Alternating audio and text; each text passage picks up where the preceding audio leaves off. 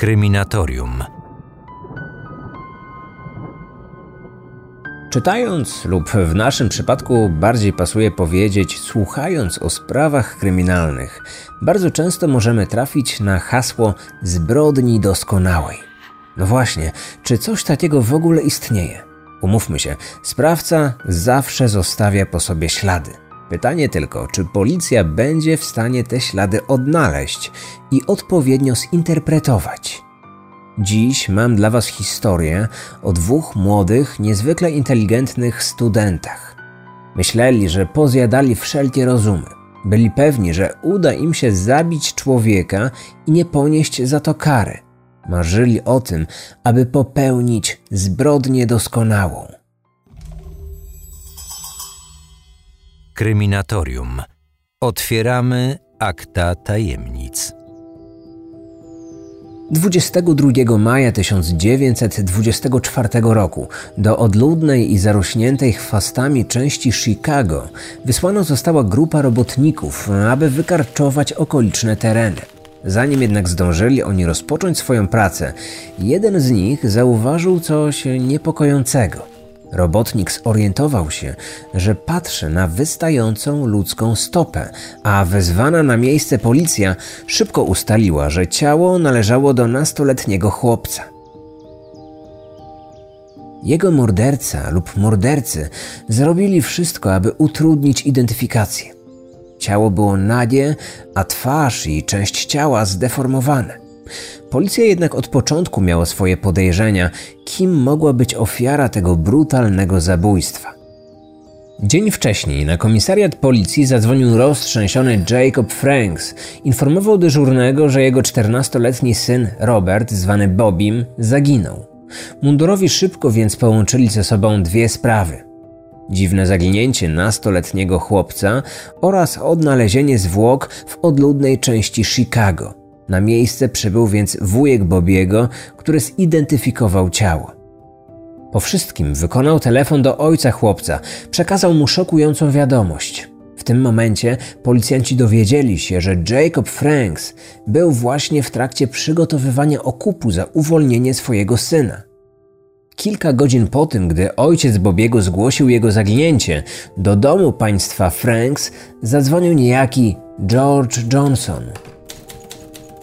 Mężczyzna poinformował, że ich syn został porwany, ale nic mu nie grozi tak długo, jak rodzice będą postępować zgodnie z instrukcjami, które miały zostać im przekazane następnego dnia.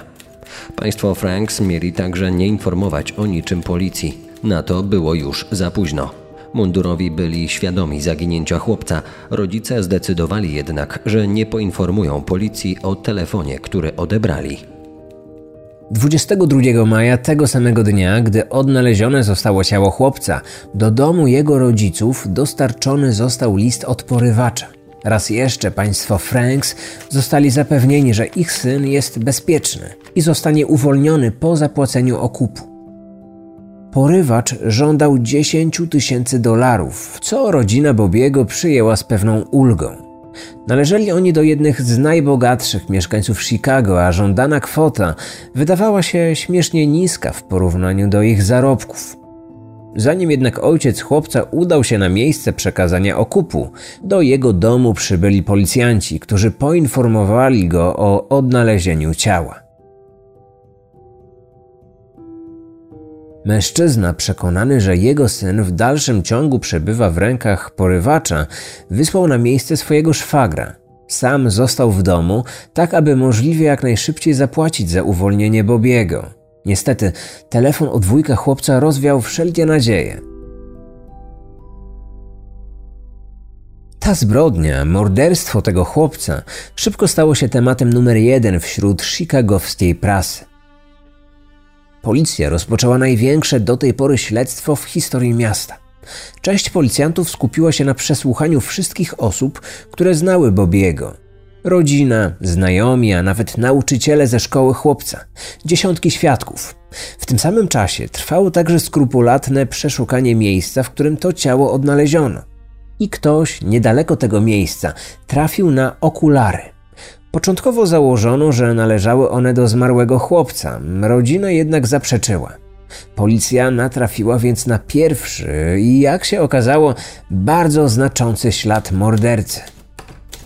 Okazało się, że w Chicago sprzedano tylko trzy pary takich okularów. Pierwsza z nich należała do mężczyzny, który od kilku tygodni przebywał za granicą. Druga do kobiety, którą policja w niedługim czasie wykluczyła z kręgu podejrzanych. W związku z tym, jedynym, któremu policja musiała przyjrzeć się bliżej, był 19-letni student prawa, pochodzący ze zamożnej i dobrze sytuowanej rodziny. Studentem tym był Nathan Leopold. Zapytany o okulary, dziewiętnastolatek wyjaśnił, że jako zapalony amatorski ornitolog często przebywał w różnych odludnych okolicach Chicago, w tym także w miejscu, w którym odkryto zwłoki chłopca. Tam miał oglądać ptaki. Jako, że okulary te nie służyły mu codziennie, no to nie zauważył nawet ich utraty. Mężczyzna twierdził, że kilka tygodni temu istotnie obserwował ptaki w okolicach studzienki, a okulary widocznie wypadły mu tam z kieszeni płaszcza. W dodatku, w dniu zaginięcia i morderstwa przebywał on ze swoim najlepszym przyjacielem, o rok młodszym, Richardem Lebem, a także dwoma kobietami, które dopiero co poznali. Mężczyźni mieli zaoferować swoim towarzyszkom stosunek, jednak gdy te odmówiły, studenci postanowili resztę dnia spędzić w swoim towarzystwie. Mimo, że policjantom trudno było uwierzyć, że szanowany i powszechnie znany student prawa może mieć coś wspólnego z brutalnym zabójstwem nastoletniego chłopca, jego tłumaczenia nie do końca ich przekonały. Okulary nie nosiły żadnych śladów, które mogłyby wskazywać na to, że leżały zapomniane na ziemi przez kilka tygodni. W dodatku, nie tak dawno nad Chicago przeszła gwałtowna ulewa. Okulary natomiast wyglądały na zadbane. Alibi Leopolda także nie należało do najsilniejszych. Jedynym świadkiem jego słów, e, osobą, która mogłaby potwierdzić jego alibi, był jego najbliższy przyjaciel, bo policjantom nie udało się ustalić, kim były te wspomniane wcześniej kobiety. W trakcie przeszukania jego pokoju odnaleziono list zaadresowany do Richarda. Jego zawartość sugerowała, że ci młodzi mężczyźni byli kochankami. To także wzbudziło podejrzenie u policjantów. Jeżeli byli gejami, dlaczego więc spędzili dzień z nowo poznanymi kobietami, które starali się namówić na stosunek? Przypisany do sprawy prokurator Robert Crow w obliczu coraz większej liczby dowodów przeciwko młodemu Nathanowi zdecydował się na oficjalne przesłuchanie jego najlepszego przyjaciela. Ale ten mówił to samo co jego kumpel, że ten dzień spędzili razem, jeżdżąc samochodem po okolicy. Mimo, że na tym etapie śledztwa nie mogłem niczego udowodnić, moje wieloletnie doświadczenie podpowiadało mi, że studenci nie mówią całej prawdy. W dodatku zachowywali się nonszalancko, czasami wręcz sprawiali wrażenie znudzonych, a przecież chodziło o brutalne zabójstwo młodego chłopca z okolicy.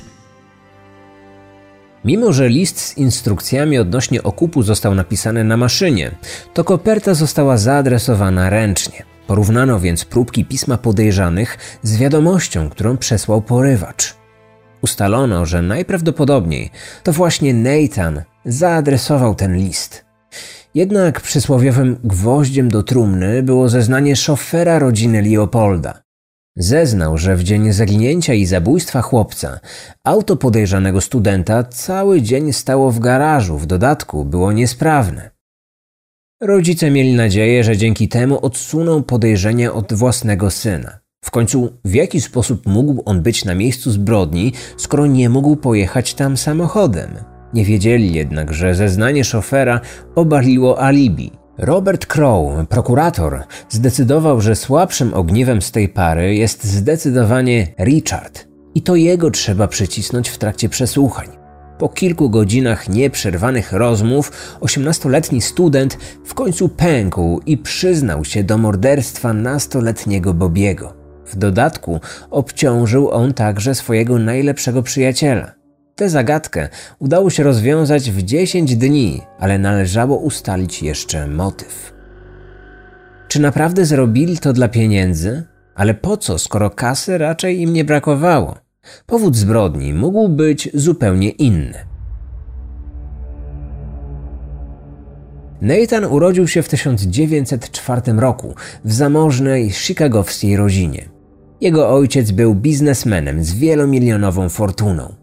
Mężczyzna od najmłodszych lat spełniał wszystkie zachcianki swojego syna, chcąc w ten sposób wynagrodzić mu brak matki, która zmarła, gdy ten był jeszcze dzieckiem. Nathan od najwcześniejszych lat uchodził za geniusza. Jego IQ wynosiło podobno aż 210. W wieku 17 lat skończył Uniwersytet Chicagowski i rok później potrafił mówić w kilku obcych językach. Naprawdę interesował się ptakami. Jego dokonania ornitologiczne były szeroko znane. Szanowana i najbardziej znana gazeta ornitologiczna w Stanach opublikowała nawet dwa napisane przez niego artykuły. I od wczesnych lat y, był świadom swojej orientacji seksualnej. Już gdy miał 13 lat, to miał swoje pierwsze doświadczenie z chłopcem z sąsiedztwa. W dodatku, wraz z czytaną przez niego literaturą, w jego głowie zaczęło pojawiać się coraz więcej fantazji na temat relacji pan-sługa. Wyobrażał sobie, że pewnego dnia uda mu się nawiązać relację z kimś, kto będzie chciał zostać jego niewolnikiem. Szybko jednak zdał sobie sprawę, że ówczesne społeczeństwo nie patrzy przychylnym okiem na homoseksualistów. Postanowił więc wyrzec się swojej w jego mniemaniu słabości. Zdecydował, że od teraz będzie niczym intelektualna maszyna, pozbawiona jakichkolwiek uczuć i ludzkich niedoskonałości.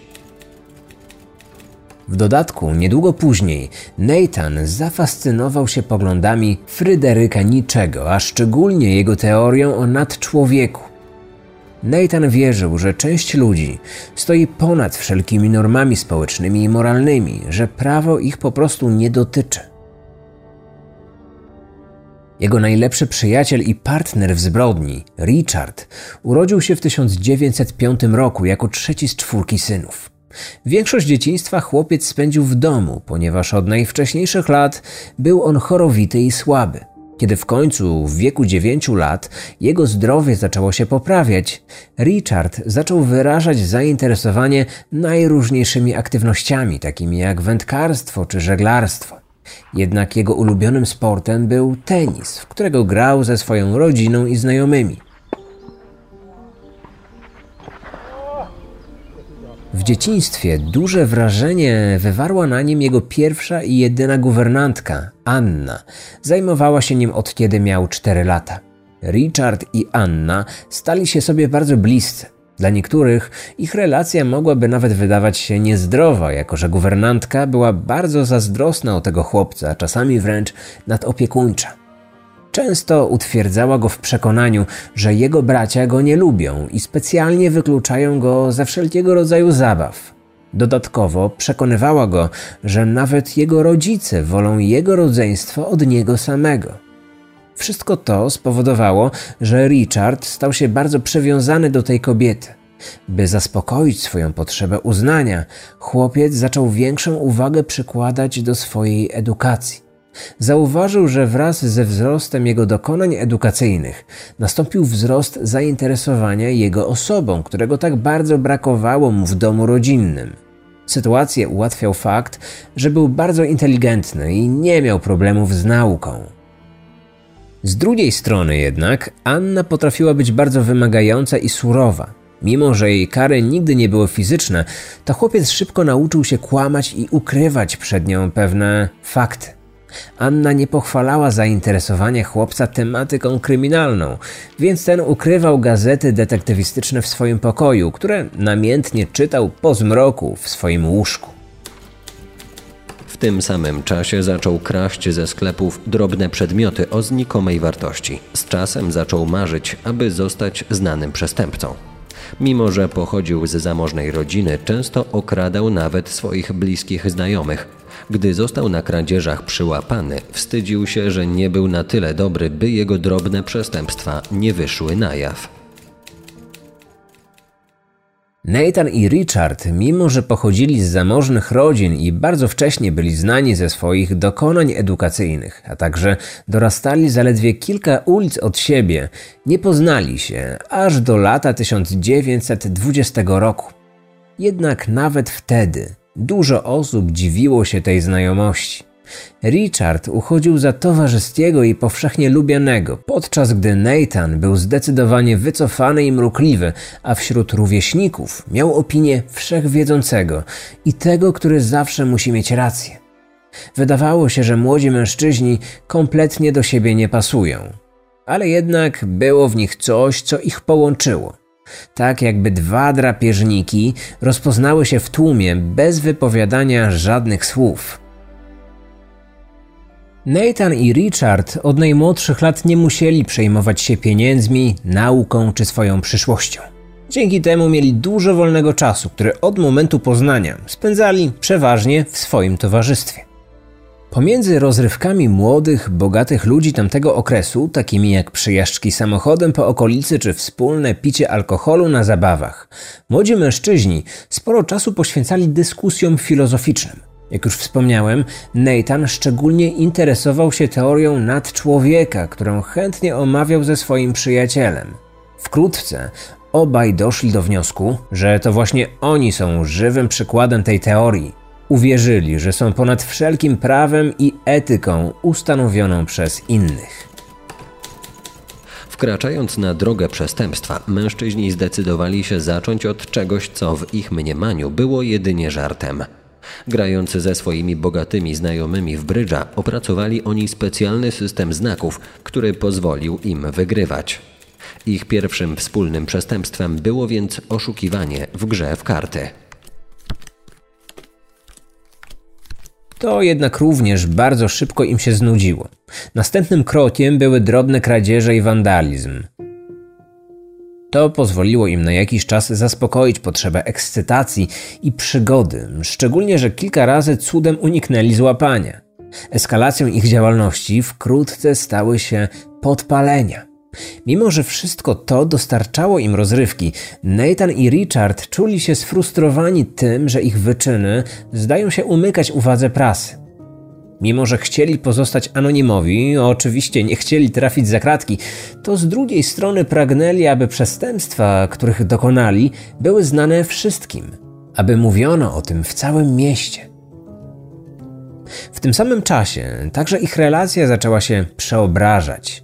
Początkowo pozostawali dobrymi przyjaciółmi. Wkrótce stało się jednak jasne, że Nathan zaczął mieć obsesję na punkcie swojego przyjaciela. Mimo, że od dziecka marzył o posiadaniu kogoś, kto mógłby pełnić rolę jego niewolnika, zdawało się, że teraz to on stał się niewolnikiem Richarda, którego uważał zresztą za inteligentniejszego od siebie.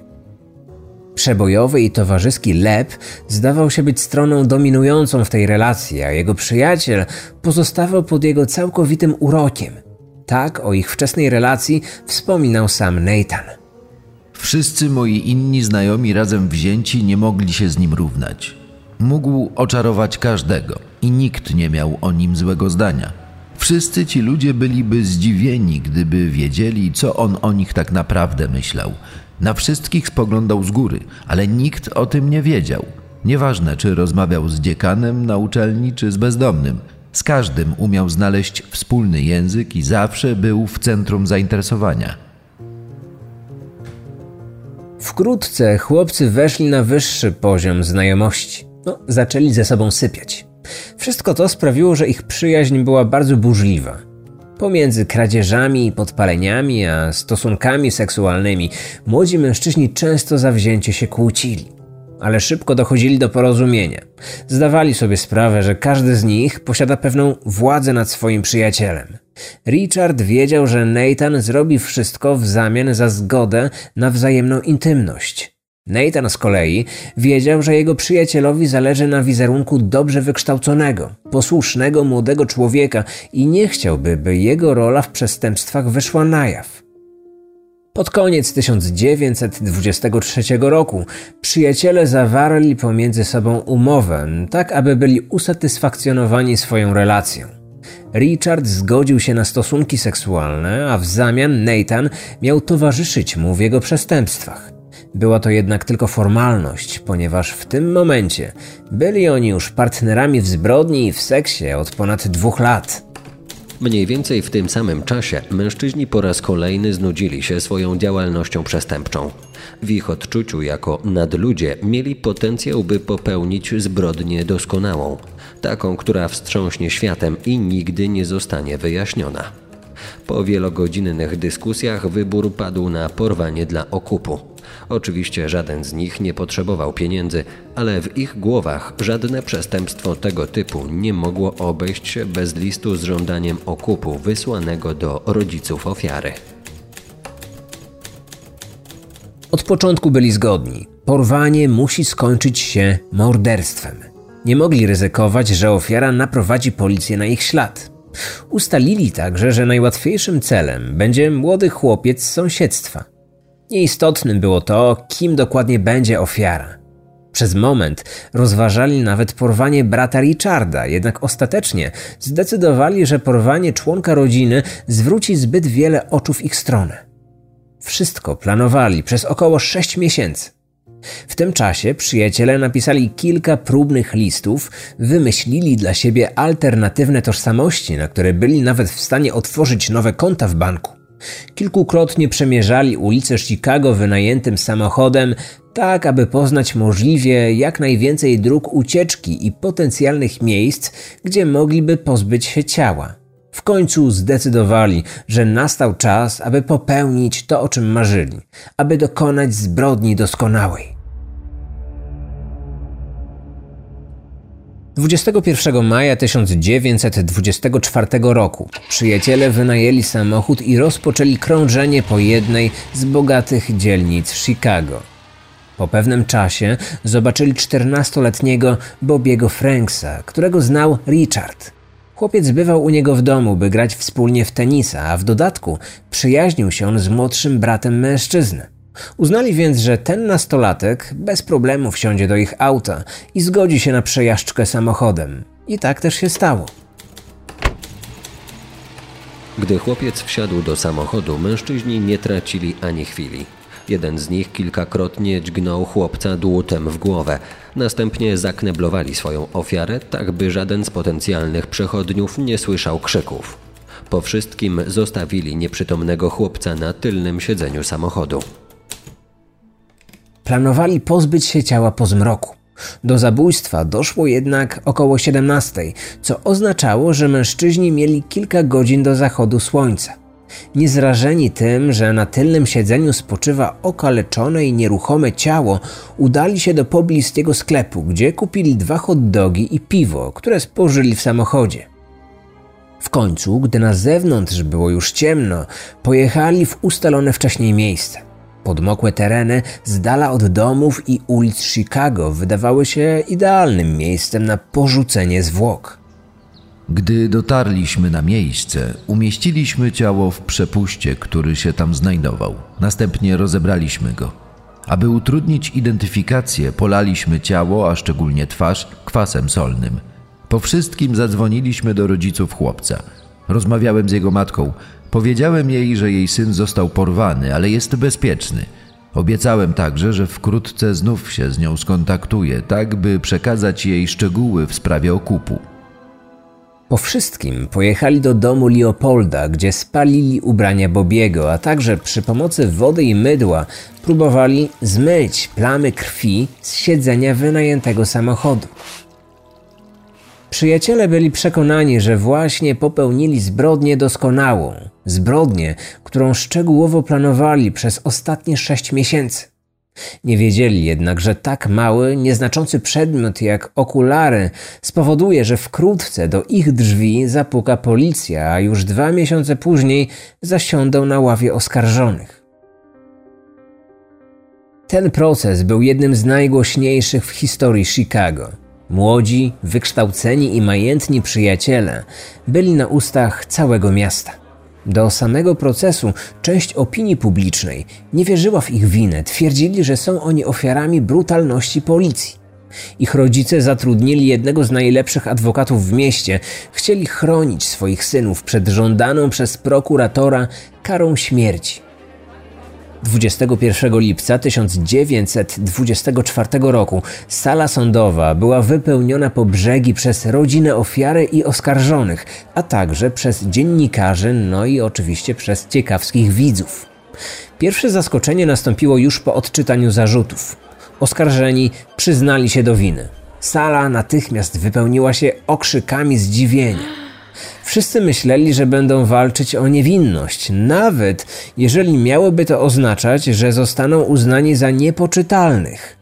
Ich obrońca jednak miał zupełnie inny plan. Adwokat miał nadzieję, że w ten sposób uciekną przed karą śmierci. Ponieważ oskarżeni przyznali się do winy, o ich losie miał zdecydować jedynie sędzia, a nie jak spodziewano się wcześniej ława przysięgłych. Linia obrony była więc dobrze przemyślana. Młodzi mężczyźni często wydawali się znudzeni całym procesem, innym razem sprawiali wrażenie, jakby wszystko ich bawiło. Przełomowym momentem w postrzeganiu ich jako ofiar policji był jednak moment odczytania licznych obrażeń, które doznał 14-letni Bobby. Wtedy też nikt nie miał już wątpliwości co do ich winy. Prokuratura zaprezentowała w sądzie ponad 100 świadków, podczas gdy obrona skupiła się głównie na zeznaniach psychiatrów a sprawa zdrowia psychicznego Leopolda i Leba nie została ostatecznie rozstrzygnięta.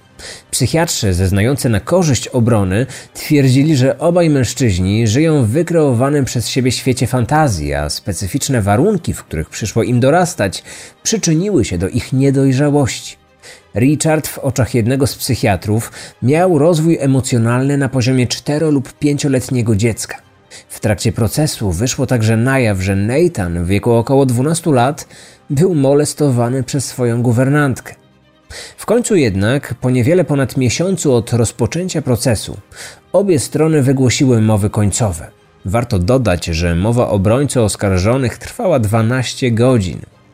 10 września 1924 roku zapadł wyrok. Młodzi mężczyźni resztę swojego życia mieli spędzić za kratkami. Po wszystkim Nathan przyznał. Żaden z nas nie czuł czegoś wyjątkowego. W jakiś sposób odczuliśmy ulgę, ale była ona raczej związana z tym, że w końcu sprawa została rozwiązana i nie odczuwaliśmy już niepewności co do naszej sytuacji.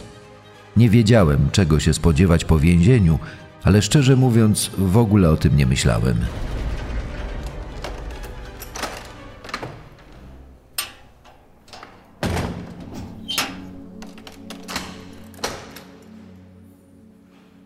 Pierwszy rok za kratkami mężczyźni spędzili w tym samym więzieniu, w którym w dalszym ciągu kontynuowali swoją dziwną relację.